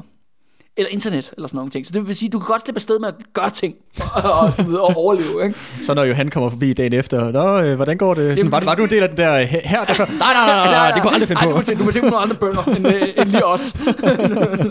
Sådan, altså, ja, du ved, ej, jeg synes, dit ansigt ser bekendt ud. Ikke? Så, ah, er du ikke sikker på, at jeg bare ligner en analfabetisk bonde uden tænder? altså, altså, på den måde kan man sige, så det er også det med de der bundeoprør, at det er ikke, u, det er ikke unormalt, især i den her periode, at lige en bonde kan godt del- nå at være med et par stykker, Ja, hvis, ja. han, altså, hvis han er heldig og overlever, ikke? Altså, Ja, ja. igennem den her tid, ikke? Man kan slippe afsted med lidt flere ting, ikke? Det er lidt sjovere, ikke? Altså, mm-hmm. Man kan lave med til nogle vilde ting, og, og man skal ryge ikke i fængsel bagefter, fordi fængsel, det findes ikke. øhm, det kan jo blive henrettet. Nå. Men det her øh, bundeoprør, det, øh, det er jo selvfølgelig noget, der bliver lagt mærke til af Christoffer nede i Tyskland. Og han tænker, nå, der er jo tydeligvis utilfredshed med holstenernes øh, styre i Danmark. Så det er måske på tide at komme tilbage. Så han indgår simpelthen, han begynder nogle underhåndsforhandlinger med Johan den Milde. Fordi det er jo sådan, at bare fordi Gert og Johan begge to er fra Holsten, så betyder det ikke, at de er altid lige gode pals. Jeg kan godt forestille mig, at de måske også øh, havde nogle interesse i at tage en bid af hinandens land. Lige måske. præcis. Også fordi det er jo tydeligvis Gert, der er den stærke af de to. Så Johan er ligesom han er den svage af de to. Og det er jo også det der med, at Gert kontrollerer jo ham der barnekongen. Ja. Så det er jo ligesom ham, der har the upper hand jo. Så Johan han begynder at snakke om, og det er faktisk, det skal også sige, at ham og Jo- Johan og Christoffer jo, de er jo fædre jo. Nå. Alle er i familie. Det er også en anden ting. Det er jo ikke en stor familiefight. Alle er i familie med hinanden. Ja, ja. På den ene og på den anden led. Fordi når man er inde i overklassen der, så, så er man jo bare, ja, så gifter man sig ind i en andens familie og laver de der power Allian- alliancer. alliancer, ja, ja. ja. igennem de der Ja. ægteskaber der. Ja. Så de to snakker sammen. Så Christoffer går egentlig med til at sige, jamen Johan, øh, gammel dreng, øh, rigtig meget ondt blod, kan du huske, jeg har lige glemt det der slag der for fem år siden. og Sådan noget. Men nu fokuserer jeg på fremtiden. Så skal jeg ikke være din lydekonge? Jo, så der gør det. Så Kristoffer han lander simpelthen på Sjælland, og nu er det jo sådan igen det der med, at bønderne er jo mere... Altså jeg var bare sådan, godt man ikke er bunding, for de skal bare vælge mellem pest og kolera hver eneste gang. Hver gang, at Kristoffer han kommer til sin siger, men mm, hvis det er mig, der kommer, skal jeg ikke betale skat. Så bliver jeg behandlet lige. Eller det er det, han lover dem hver gang, og det er det løft, han bliver ved med at bryde gang på gang på gang. Og nu har de jo lige været op mod øh, Johan, så de er højst utilfredse. Jamen, så Johan har også en interesse, okay, hvis vi lige kan Dæmp det lidt. dem, Ja, ja. give bønderne en eller anden form for indrømmelse, vi tager sgu simpelthen Christoffer tilbage. Så de kom, så øh, Christoffer Ha, ha, ham, der øh, myrdede din fætter og, og, og, ville have helt vildt mange skatter af jer. Meget formidlende omstændighed. du kan prøve at forestille dig, hvordan diskussion i bundehuset er foregået. Så, siger, så der var ham, der dræbte vores onkel der for 10 år siden, den her gang var pirat. Men nu er der ham der røvhul, der dræbte, der dræbte farfar her lige forleden og sådan nogle ting. Hvem skal og, han, og han hiver den gamle nu tilbage. Og, Ja, ja, det er jo det der, men det er jo totalt Game of Thrones jo. Altså mm. det der med, der er den ene alliance, så den anden alliance, og det er fra og tilbage, ikke? Mm. Men Christoffer Sevel kommer tilbage, han bliver simpelthen, nu er han konge igen af Danmark. Men den her alliance mellem ham og Johan, den er ikke særlig holdbar. Det der så sker, hver gang Christoffer kommer nyt sted så skal folk jo svære om troskab. Man mødes på forskellige tingsteder, for eksempel Ringsted. Øh, ja, det siger, at ordet by, bynavnet Ringsted det nærmest det hele. Det er en vigtig sted, hvor konger de bliver hyldet på Sjælland, på midten af Sjælland. Så møder man op, og så dukker alle bønderne, borgerne, adelen og, hvem, og kirken, og hvem der nu er, så siger det som, Christoffer er vores konge, og så svæver han på et eller andet, øh, en eller anden død hellig mand. Så finder en eller anden lige stump, ikke? så skal han svæve på den. Mm-hmm. Og, så, og, så, og så er det ligesom, så er der både det jordiske magt, og de, og de gudelige magter, og, alt, og det fungerer bare skide godt. Ikke? ja, ja. Men da de kommer til København, der siger Johan, at det er mit. Så Johan han tager København. Så Okay. okay. Christoffer får ikke København, og det gør allerede, at der opstår spændinger imellem dem. Jeg tænker, nu har vi nævnt nogle forskellige byer i løbet af den her øh, Ja. ja. episode til videre. Vi har nævnt øh, alle de her byer, der har noget med borg i sig, som Ja. ja. værende, værende hvad kan man sige, essentielle De områder. er vigtige, ja. De er vigtige. Hvad er det for en, en rolle, sådan en by som København på det tidspunkt har? Fordi at, at det jo ikke, så vidt jeg forstod, så også i vikingetiden, der var der, hvis man kan snakke om, det var en hovedstad, så var det i hvert fald ikke København, der var det. Og, og København er heller ikke hovedstad i den her periode. Hvad, hvis man skal sige, der er en, noget, der er hovedstaden i Danmark på det tidspunkt, hvad er det så? Jamen, det er jo netop det her, det handler om jo. Det er jo, at Danmark går i opløsning. Mm-hmm. Danmark går under, ikke? Altså Danmark går op i limningen. Ja. Og det vil sige, det betyder et eller andet, der ikke er noget centrum. Der er ingen central magt. Altså tidligere har man jo haft sådan, Jellinger har været en, en kongshovedstad, ikke? I vikingetiden. Roskilde har været det også i en lang periode, for eksempel, ikke? Mm-hmm. I 1100-tallet. Øh, og når vi går over til Valdemar Atterdag, så kan jeg også sige, at han har jo mange hovedsteder i løbet af sin tid. Men det Okay. når vi til. København er en vigtig by, fordi den ligger ud til Øresund, tæt på Sillehandlen, mm-hmm. men den er lige så vigtig som Malmø er jo på den anden side. Ja. Og det skal siges, at København og Malmø, det er jo det, der bliver kaldt tvillingebyerne på daværende tidspunkt. Fordi de er del af samme kongerige, og de ligger lige over for hinanden sådan, øh, geografisk i forhold til vandet. Det er bare en by blandt mange byer. Okay, Øhm, men de når til byen der, og ja. Den vil jo han gerne have. efter sine kommer øh, Christoffer ridende ud fra København, og så ser han så ridderen med djævlehornene på fladet på, Kø- på borgen i København. Og bare sådan, goddammit, ikke? Det, og det er jo også det med, jamen så er han kommet tilbage, men han skal jo stadigvæk være lydkonge. Opstår ligesom en, en, øh, en konflikt imellem dem. Og så det, så det ender faktisk også med, at hurtigt i den her proces, der finder faktisk Gert og Johan, de finder hinanden igen.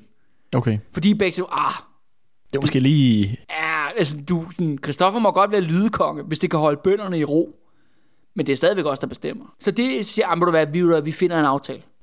Så de mødes i 1330 i Ribe, og så laver de simpelthen en aftale, som er, at Valdemar, ham der barnekongen, den tredje, han ryger ligesom ud. Han er bare hertug af Sønderjylland.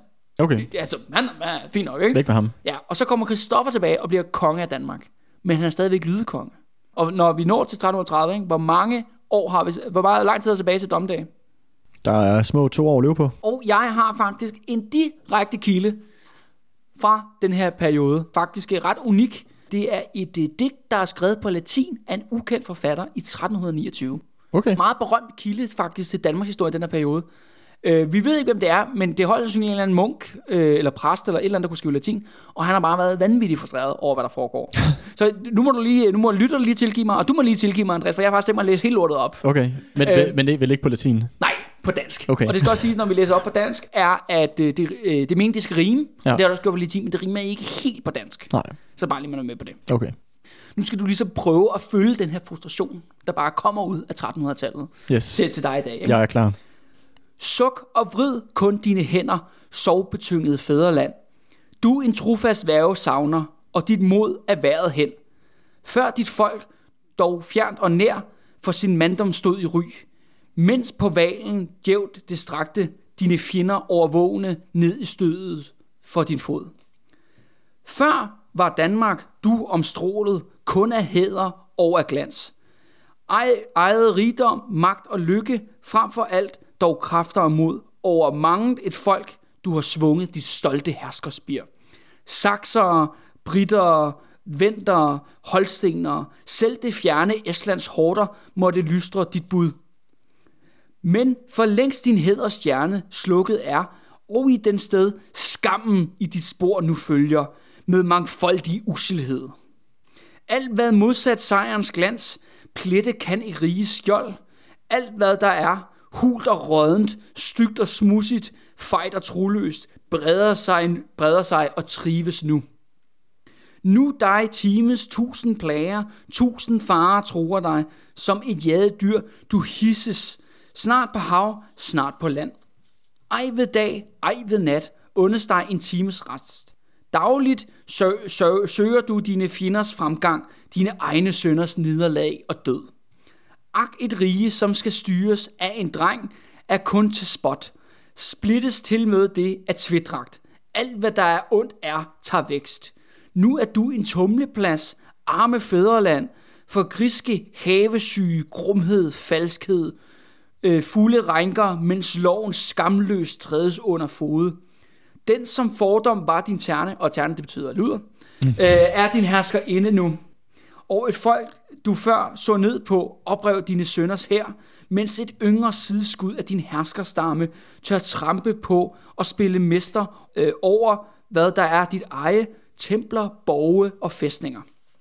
Skadefru og hånlatter møder dig for alle hold, og, og den sandhed, du glemmer, at kun enighed gør stærk, dog mere værveløs end før. Skal dit folk herefter stå, ti dit formue, Sønderjylland, gaves nys i fremmed vold og kommer næppe mere i dine hænder. Skal vi mægte at afryste vor fjenders tunge å, skal vi fange bod og lindring for vor bitre nød og ve, så må du, al gode Gud, se i noget til os ned. Ja, bevar os, bryd vor fjenders overmod, og skænk os atter lys og lykke, fryd og fred.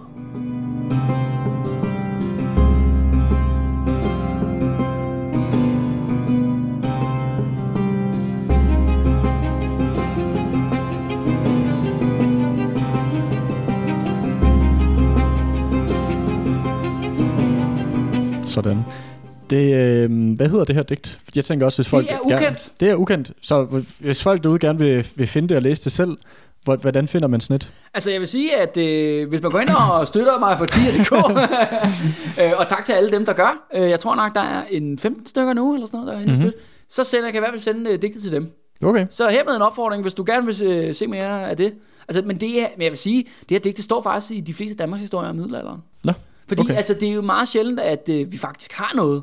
Mm. derfra. Og især i den her periode, som er så kaotisk, ja. som, som der er virkelig at tale om. Ikke? Ja, ja. Jeg kan godt forestille mig en periode, hvor Danmark ophører med at eksistere. Der er der måske også øh, ikke skrevet så meget ned. Folk er måske lidt travlt med andre ting og De sager. travlt med andre ting. Der er Ja. nogle, øh, der, er- du, som sagt, der er nogle familiemedlemmer, der er blevet myrdet. Der er nogle skatter, der skulle betales. Ikke? Der er Ja. nogle bundeoprør, der skal startes. Folk har faktisk haft pisse travlt. Ikke?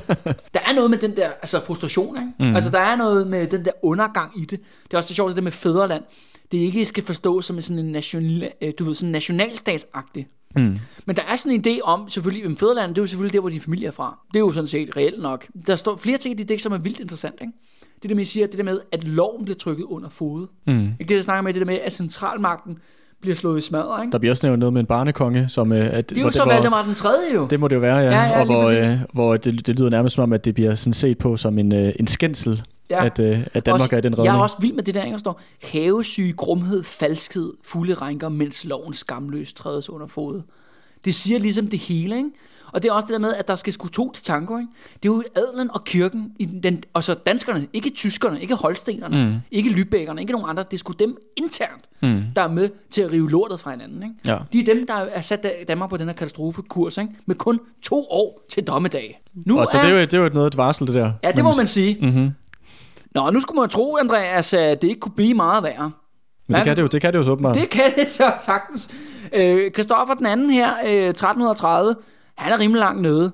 Men det skal lige blive værre nu, fordi det ender faktisk også med, at han bliver, øh, hvad hedder det, han bliver lyst i band af kirken. Nå, så han bliver forvist for himlen. Ja, og det er lige et lille sidespring, men det er simpelthen så grinende historie, man bliver simpelthen lige nødt til at dykke ned i det. Ja. At når man er kongen, så er man jo ligesom den centrale myndighed. Det vil sige, når, når noget går galt et eller andet sted i systemet, hvem klager man sig til? Jamen, så klager man til kongen.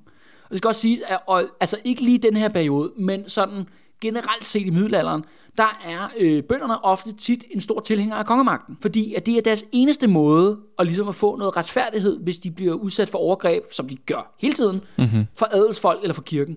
Hvem appellerer man til, hvis ens herremand kommer og knipper ens datter på regulær basis? Man går til kongen. Man går til kongen. Det er den eneste måde, man, det er, man går til centralmagten, fordi kongen har nogle muligheder ligesom for at skride ind overfor. Altså, kongen kan enten ja, henrette dem, men også måske lige retssag. Og det er også den anden ting. Folk i middelalderen er jo vanvittigt glade for at sagsøge hinanden for alt muligt. Folk bliver virkelig sagsøgt meget. Det er ligesom Nå. i USA i dag. Nå, det anede jeg ikke, det var en ting. Nej, ja, folk er fuldstændig tosset med det. Folk, de dyrker selvfølgelig deres landbrug, øh, men når det bliver mørkt, så er det bare fucking mørkt, ikke? Så kan du ikke gå udenfor. Så du kan ikke se noget, jo. Mm. Der er jo ikke noget lys. Du vil være indenfor. Så sidder man bare og lægger sag mod hinanden. Ja, og så sidder man bare og spekulerer på, og det er jo det mindste ting. Øh, hvor mange høns må naboen have, eller hvor skal skældet gå, eller hans hund den larmer for meget. Og hvad gør man så? Jamen så sagsøger man hinanden. Og det er jo dom, og det er jo for, man har professionelle advokater, som så tit også er øh, præster eller købmænd ved siden af. Det er for sådan, folk har sådan en sidegeschæft, ikke? Ja, ja. Og så mødes man jo så på tinge og markedet regulært, og så sagsøger man hinanden i en uendelighed. Okay. Øh, og så kan man gå op til mange instanser. De Ja. ja. elsker simpelthen at sagsøge hinanden. Og, og sådan en anden bihistorie, det er for eksempel, at, at ved du hvorfor det hedder et skøde? Altså på en ejendom. Det ved jeg ikke, nej. Du, det hedder det jo i dag, hvis du køber en ejendom, så får du Ja, et ja. skøde. Jamen det kom så af, at i middelalderen, så mødtes man på tinge, og så havde man sådan en aftale, der siger, om jeg har aftalt, at uh, Andreas, jeg køber sgu noget land af dig. Der er ingen af os, der kan læse og skrive. Så hvordan aftaler vi det så? Jamen det vi gør er, at vi går på tinge, hvor vi er sikre på, at der er mange mennesker, og så finder vi så 18 personer, vi kan stole på. Altså selvfølgelig mænd. Det er klart. Ja, ja, det er klart. ja, det er klart, ikke? øh, nogle mænd, vi kan stole på, og de her 18 mænd stiller vi så op. Så sætter, øh, lad os sige, at øh, du, altså jeg køber jord af dig. Ja. Så det vi gør, er, at jeg sætter mig ned på sådan en øh, tingsten, og så går de der, jeg står der de 18 mænd og klår stift på mig. Så har du en lille pose jord af det jord, du vil sælge mig, og så kommer du hen, og så kaster du det der jord ned på mit skød. Okay. Så jeg sidder med jord i hele skødet. Ja. Og så er det min jord. Så, så, det, så fik du et skøde. Ja, ja det der ord, et Ja, ja, ja. skød kommer det er, Ja. ja. at du simpelthen kaster, du smører mit skød ind i jord. Okay. Det Altså, lyder... du, du får det- selvfølgelig også penge, skal det sige. Ja, ja, ja. Jeg skal selvfølgelig betale noget for Nej, det, det er glæde. Det er, det er, min betaling er glæde, når jeg smører dig ind i jorden. ja, lige præcis. Men det er jo også det fede ved middelalderen, ikke? Det er bare sådan, det er totalt, altså, bogstaveligt, ikke? Og, Ja, ja. og hvad, hvad, gør man, når ingen folk kan læse og skrive, ikke? Og du tror på, at... så må man smøre hinanden ind i jord. Ja, så må man smøre med, hinanden med i masser af vidner. Ja, lige, lige præcis, ikke? Nå. Men tilbage til Kristoffer, og hvorfor han ligesom øh, ikke kan komme i himlen. Øhm, det, Ja. det kommer så af, at øh, der er en klage om en biskop, der hedder Tyge, som er, øh, som er biskop faktisk i Ribe alle steder. Øh, og Tyge, han er sgu en rigtig grim kæle. Ham, ham er der mange anklager øh, på, og jeg bliver simpelthen nødt til at nævne, hvad han er, han er anklaget for. En ting er, at øh, han har forsømt sit embede. Han har simpelthen ikke øh, videt nok præster i sit øh, bispeområde, mm-hmm. øh, som han er ansvarlig for. Det vil sige, at folk er sådan set kommet i, øh, folk er blevet født, og folk er døde, uden at få den rigtige velsignelse, altså dåben og begravelsen. Så der er præstenød. Der er, Ja, der er ja, et, ja, ikke altså nok han præster. har, han har simpelthen fejlet i en basal opgave som byråkrat. Ikke? Han skal ligesom Ja. ja. sørge for, at der er nogle under byråkrater. Det er så en ting. Så er der en anden anklage. Det er, at øh, åbenbart, at Tyge kan rigtig, rigtig godt lide at plyndre lige på stranden. og det skal siges, er, jo, at øh, på vestkysten af Jylland, der har man, øh, det har man sådan set til langt, du ved, til 1800-tallet, 1900-tallet, whatever. Der er jo skibe, der går ned med regulære intervaller. Vi snakker jo om lybækkerne, som handler jo meget. Der er jo en stor skibsfarttrafik. Nogle gange er der nogle storm, der er nogle skibe, der går ned. Så er der selvfølgelig nogle vraggods, og selvfølgelig døde mennesker, der øh, simpelthen øh, kommer i land på den jyske kyst. Og der er Strandvasker, som det er. konstant problem med, at lokalbefolkningen tager de varer, der skylder land, og plyndrer de lig, der bliver kommet i land. Men det må de ikke. Fordi det er en af lybækkernes rettigheder. Det er jo, hvis det er lybækkerne, der ejer det, jamen så er det dem, der ejer de lig. Okay. Og de der øh, vragdel. Ja. Så de skal altså leveres til, til, til lybækkerne. Det er Okay. jo brud på reglerne, ikke? Ja, ja. Øh, efter sine, der elsker Tyge selv at rende rundt ud på den her strand og plyndre Line personligt. Det siges, at han render rundt, du ved, som de siger, der står i anklageskriftet, at han skærer pungen selv ud af bæltet. Okay. De her punkter, det er jo sådan en lille pose, Ja, du har sidder, hængende. fa- sidder fast, ja. I de bælte, og Tyge han render rundt, sender den der biskoppen der i sin gevanter, der skærer de der, skærer de der, lige og tager de der ikke? Så det er jo sådan, nej, det er ikke så godt, at sådan en biskop er render rundt med sådan Ej, det, nogle er, strandvasker. det er et dårligt signal at sende. Det, Ja, lige præcis. Det er ikke særlig kirkeligt i hvert fald. Men her kommer den absolut fedeste anklage. Han bliver anklaget for, at han sælger fripas til blodskam. Og blodskam, er det incest? Ja. Okay. Øh, han sælger fripas til blodskam. Det vil sige, hvis du har en, en søster, en kusine, øh, whatever, som du godt kunne tænke dig at bange, så går du altså ned til Tyge og siger, hey kammerat, Kan, vi, jeg ikke kan vi finde ud af noget? kan vi ikke finde ud af noget? Og for, for penge kan du så købe et lille dokument, som Tyge har lavet, som så siger, at du må godt rive din kusine slash søster rundt. Gud, han tilgiver dig. Gud, Gud han tilgiver dig. Og det skal så siges jo, det er jo vanvittigt øh, haram. Øh, Mm. at, at simpelthen have sex med sine familiemedlemmer i den, i den kristne tro, i den katolske tro. Men der er, det, der er så problem med, at fordi adlen, det er jo adlen, det er jo ikke bønderne, der gør det. Mm. Det er adlen, der gør det. Fordi at de jo laver de der poweralliancer. Mm. Og de, som jeg ligesom snakker om, det der med, ligesom en kongefamilie, de er alle sammen familie med hinanden. Ja, så er der lige, Nå, hvad var det, du var igen til mig? Eller, Søster, ja, ja, nej, øh, altså, altså så, så gralt går det ikke til, men, men kusineægteskaber er for eksempel ja. ja. ikke unormale. ja. Øh, og det gør, at man skal have tilladelse til det. Så mm-hmm. det er blodskamstyge der, han, øh, han er anklaget for det. Kaj Kristoffer, han, øh, han ser det ligesom sådan en, en mulighed for ligesom at få sig en god sag. Han har brug for, han har brug for en, en, en vinderchance. Ikke? Mm-hmm. Så han fængsler simpelthen tyge og sætter, begynder en retssag mod ham. Men det gør så til, at den katolske kirke går fuldstændig bananas.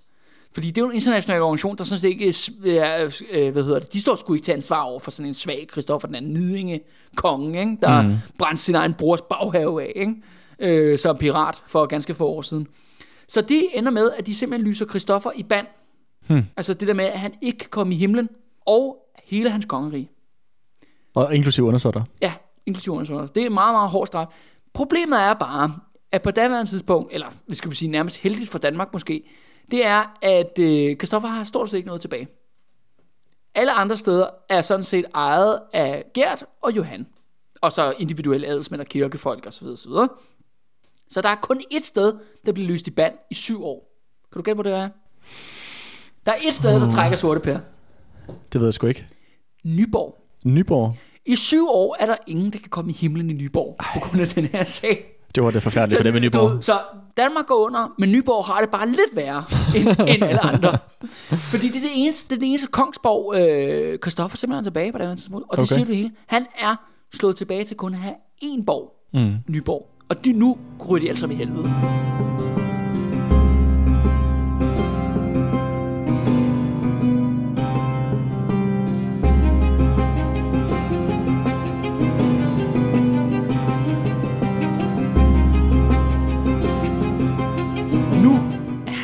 Helt, helt, helt, nede. Nu kan det nærmest ikke blive værre. Så skal det så siges, der er faktisk et håb i mørket. Der er et lys, der er en ung, ung mand, som vi rigtig mange har forventninger til. Netop en søn til Christoffer den anden. Og hvad det- tror du, han hedder? Kunne det være Valdemar? Nej, ikke Valdemar. Nej, har vi slet ikke noget til. Nå, nå hvem Det er er, det så? det er Valdemars storebror, der hedder Erik.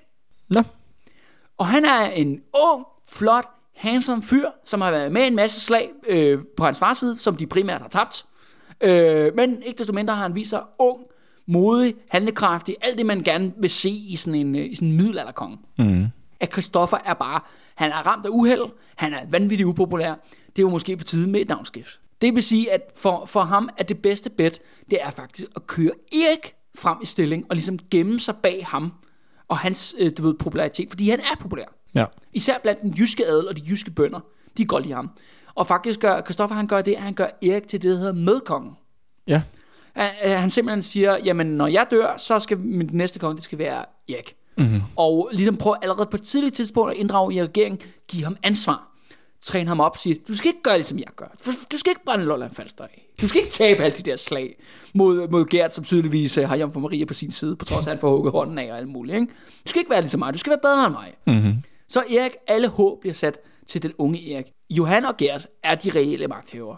Christoffer og Erik er reelt set lydkonger. Det er en uholdbar situation. De starter sgu endnu et oprør. Sådan. Endnu, endnu et oprør. Så For i, der, for der, fra deres ene, ene borg. så i 1331, den 30. november, hvor der er ni måneder til dommedag, der mødes de i endnu et slag på noget, der hedder Loheden, som ligger lige ved Dannevirke, som man nok kan huske. Ja. Øh, øh, endnu en gang, det er jo nede, vi er hele tiden Ja, jeg, Sønderjylland. jeg skulle lige sige, nu havde vi godt nok sagt, at vi ville, vi ville droppe det her med Sø- Sønderjylland, men vi bliver ved med at gå Det tilbage der til hele det- tiden. det Du kommer kan ikke slippe det. Ja, det er fordi, at det, Sønderland, det er jo der, hvor at alle gode danskere kommer for at dø, jo. og hvor, hvor vores rige, vores kongerige kommer for at gå i opløsning. Det er ligesom elefantkirkegården i, øh, hvad hedder det, i Løvernes Konge. Det er rigtigt. Det er Sønderjylland. Gert, endnu en gang, nu kun med en hånd, Mhm. mm-hmm. øh, mødes i et slag, hvor at øh, danskerne, de bliver altså ledet af den unge Erik. Prøven, den skal simpelthen stå. Og, øh, og det, efter sin, det er et slag, der, der varer fra, fra tidlig morgen til aften. Men, men det er så i november, så det, det er måske et par timer, ikke? I forhold til, Ja, ja, hvornår øh, solen står. Men det er det, det, der står i, i krønningen. Og igen, danskerne er mange flere end Gert og hans øh, holstenske lejesoldater. Lur mig, om ikke de taber. Det, slaget foregår frem og tilbage, voldsomt frem og tilbage. Og på et tidspunkt, der bliver Gert simpelthen væltet om i mudderet. Nå, Og det er jo faktisk ofte det, der er dødsdommen for en ridder. For du skal tænke på, at de er jo simpelthen så tunge i det der, øh, hvad hedder det? brynje og det hele. Og især når du er ude og kæmpe i øh, du ved, øh, Det 20, meste af 20 dagen. minutter, eller, eller det, så er du fandme træt, ikke? Ja, ja. Og, øh, og, han har, og han har så minus en hånd, ikke? Ja, Så han ligger der i mudder, og, så, og det er der ofte, at øh, ridder bliver dræbt, så kommer der en eller anden lige stikker en kniv igennem ved siden eller andet, og så er de fær- færdige. Men Gert, han har endnu en gang guderne på sin side, for lige pludselig kommer der en holstens bonde springende op, og løfter ham op, og så råber han et eller andet, brug dine gamle kræfter, Gert, eller et eller andet, siger den krønike. Tag dig sammen! Tag dig, tag, dig- tag dig sammen. You can do it. og ved du, hvad han så gør? Så kaster Gert sig direkte ind i midten af den danske linje, og så knækker de psykologisk. Hmm. Og så taber de, og så flygter de. Hold op. Fuldstændig bryder sammen. Det bliver en massakre på de der danskere, der bliver bare reddet ned af Gerts øh, øh, soldater, øh, krigere der. Og så de krydser Dannevirke, som er jo så den her gamle fæstningsvold, der stadigvæk ligger der, men den er så i forfald på det her tidspunkt. Erik han flygter fra slagmarken sammen med sin tæste ridder. De rider lige forbi det her. Så sker der det, at den der lortehest der, den falder simpelthen, den knækker anklen eller et eller andet. Den falder. Erik han styrter ud over hesten, smadrer sig selv fuldstændig lige op ad Dannevirke. Det kan nærmest ikke blive mere nationalt symbolsk. Og han dør. Tragisk. Erik bliver dræbt Det store af Dannevirke. altså jeg ved ikke, at det, jeg hører, du kan ikke, du kan ikke købe det her for penge. Nej, nej. You can't make this shit up. Ja, jo, det betyder jo så, det unge håb, det hele Christoffers kongemagt, alle gode danske med fædrelandet, bankene i brystet, de havde, de havde kigget set til, det håb, det forsvinder bare. Det dør på Loheden Hmm. den øh, 30. november øh, 1331. Christoffer, han er en slagenmand. Øh, han er også ved at være ret gammel, han er blevet 58, og dermed øh, allerede levet exceptionelt længe i forhold til, hvordan folk levede normalt i middelalderen. Han, øh, han bliver taget til fange af Johan, øh, men Johan, det er jo hans fætter, så han siger, ved du hvad, du øh, bliver bare sat i sådan en, hvad hedder, skal vi kalde det? Han bliver hans fange, men du ved, under Hus, husarrest Ja, husarrest. Så han ryger ned på Nykøbing Falster Slot, og der dør han den 2. august 1332. Dommedag